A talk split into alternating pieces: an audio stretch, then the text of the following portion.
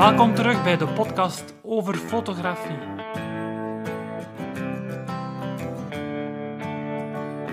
De Nederlandstalige podcast, volledig gewijd aan fotografie.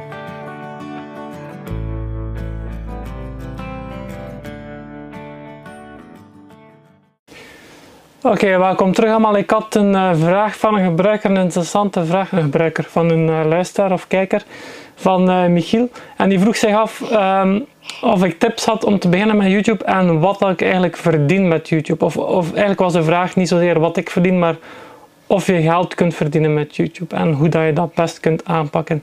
Nu, ik zal beginnen met mijn eigen ervaring. Dus ik verdien geld met YouTube, maar dat is een heel klein bedrag. En uh, u mag gerust al mijn cijfers zien, ik zal zo meteen al mijn cijfers delen. Dat ligt zo rond de 10 euro per maand. Je moet weten, bij YouTube kun je uh, een keer dat je dan 75 euro verzameld hebt, word je uitbetaald. Dus dat betekent dat ik maar twee keer per jaar uitbetaald word voor die 75 euro ongeveer. Um, als ik ga snel even mijn cijfers erbij pakken ook, en dan kan ik dat laten zien. Dus ik doe het vooral omdat ik het graag doe, niet voor het geld. En ik zal de video ook afronden met een aantal tips hoe dat ik denk uit mijn ervaring dat je nog het maximum kunt halen uit YouTube. Dus dat is hier uh, mijn, uh, dat is echt mijn kanaal. Dus Hans over fotografie. Ik heb blijkbaar op dit, dit moment 584 abonnees. Nu, die abonnees zijn niet zo heel belangrijk. Het is wel zo dat je in theorie pas kunt advertenties activeren op je YouTube kanaal, op je video's, de keer dat je 1000 subscribers gehaald hebt. Nu, blijkbaar is dat geen vaste regel, want ik heb, die, ik heb al die mogelijkheid sinds dat ik 3 of 400 gebruikers heb. Dus het is ook sowieso niet het enigste, allee, die, die abonnees is niet echt het belangrijkste voor je inkomsten via advertenties.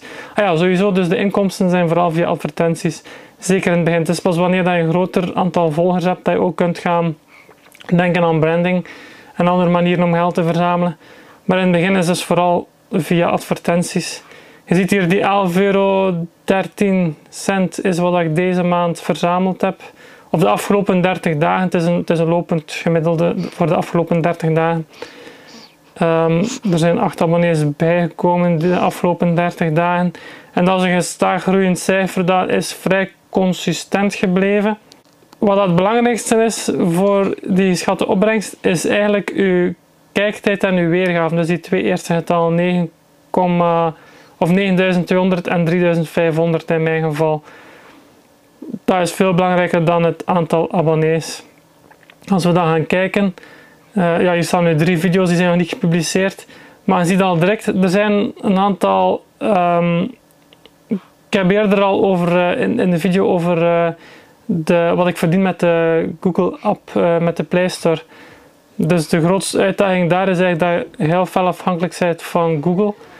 Um, of ze wel of niet willen betalen en dergelijke meer hun regeltjes. Dat is ook zo bij die advertenties op YouTube. Dat is niet anders, dat is hetzelfde systeem. En je ziet hier bij mijn laatste twee video's bijvoorbeeld, is... Uh, wacht even alle video's openen. Dan zie je hier die groene bolletjes, dat zijn allemaal advertenties die geactiveerd zijn, die op dit moment actief staan. Die oranje twee hier, dat zijn uh, video's waarbij dat de advertenties geblokkeerd zijn. Nu, waarom dat die geblokkeerd zijn, is zelden echt duidelijk. Ik vermoed dat het te maken heeft met het onderwerp. Um, maar ja, ik ben er nog niet helemaal uit wat dat juist dan veroorzaakt dat die video wel of niet geschikt is voor advertenties. Nu, in deze video's zijn die gewoon uitgeschakeld. Dat is één probleem. Een ander probleem dat je gemakkelijk, en daar heb je ook weinig controle over. Een ander probleem wat je wel gemakkelijk kunt vermijden, is wanneer dat je video online zet met muziek die copyrighted is dan kun je uh, een claim krijgen en als die uh, andere partij die die copyright uh, claimt te hebben of beweert te hebben, als die daar uitkomt als winnaar, dan gaan eigenlijk alle advertentiekosten of alle advertentieopbrengsten beter gaan naar die andere partij. Dus dan blijft uw advertentie wel actief, maar uw inkomsten gaan gewoon naar een andere partij.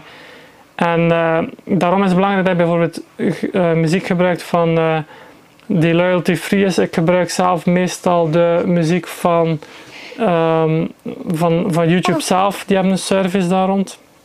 Maar je hebt bijvoorbeeld ook eh, als je de GoPro-app gebruikt, die zijn daar vrij smerig in. Als je daar een video van online zet, dan zit daar muziek in. Of je kan in die GoPro-app muziek toevoegen aan een video, maar als je dan die video online zet, dan volgt er eigenlijk bijna automatisch direct een claim van de rechthebbende van die muziek. Dus al die muziek is copyrighted en dan gaan alle inkomsten naar die andere partij. Uh, voor de rest, als ik uh, dus denk, uh, ja, ik zat rond de 10 euro per maand. Ah, ja, dus de kijkcijfers zijn vooral belangrijk als ik even naar meest bekeken sorteer. Dus voor die drie video's van daarnet is dat niet zo belangrijk dat die advertenties niet meer of ja, niet goedgekeurd zijn.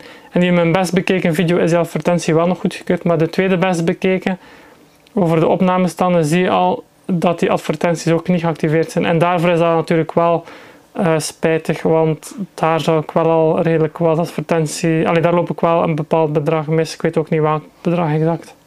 Voor de rest, uh, voor, ja, wat dat een aantal tips betreft, ik denk eigenlijk het belangrijkste is dat je het uh, doet om de juiste redenen. Dat is dat je wilt content delen, niet omdat je geld wilt verdienen. En dat je dan begint met één video per week. Het is sowieso het beste van aan een vast stramien, dus een vast tempo, video's te delen. Ik heb zelf wat geëxperimenteerd, hoe meer hoe beter, maar voor mij ligt de maximum wel aan twee video's per week. Meer kan ik echt niet opleveren in de tijd die ik er kan aan besteden. En hou er ook rekening mee dat je best een drietal video's apart houdt uh, als backup die je dan kunt uh, delen op momenten waarop dat je geen video hebt kunnen maken, zodat je toch nog aan dat vast tempo blijft uh, vasthouden eigenlijk. Hè. Voor de, ja, de, taal is natuurlijk ook belangrijk. Ik, blijf, ja, ik blijf nog altijd in het Nederlands verder doen. Als je natuurlijk een taal gebruikt die zoals Engels, dan ga je ook een groter publiek bereiken. Ik heb, uh, je ziet in mijn cijfers dat ik meer Nederlanders dan Belgen heb. Nu, Nederland is gewoon ook groter. En denk uh, dat dat de enige reden is. Ik merk zelf dat er mensen zijn die mijn video's ondertitelen. Voor de rest experimenteer met uh, het aantal uploads dat je maakt, met uh, inhoud, met formaat en dergelijke meer. Wat ik zelf doe, dus het verhaal is heel belangrijk bij een video. Wat ik zelf doe om dat verhaal te optimaliseren is eigenlijk eerst een scriptje, een soort scriptje uitschrijven. En op basis van dat scriptje maak ik dan mijn video. En dat maakt dat ik dat script dan ook kan gebruiken als een artikel voor mijn blog zelf. Dus op die manier kan ik, het, uh, kan ik, er, uh, kan ik er het maximum uithalen. Waar ik zelf nog geen ervaring mee heb, maar wat ook heel belangrijk is volgens wat ik lees en hoor overal, is, uh, zijn de thumbnails van uw video's en de titels van uw video's. Maar ik zeg, ik heb daar nog geen ervaring mee. Ik heb zelf vooral geëxperimenteerd nu met de frequentie van uploaden en met de inhoud van de video zelf. Dus daarmee ben ik vooral aan het groeien en aan het evolueren en aan het experimenteren. Op termijn zal ik ook nog wel met, uh, met die thumbnails wat uh, experimenteren en met die um, met de titels. En moest ik daar wijzer uit geraken, dan zal ik dat ook nog wel delen, die informatie.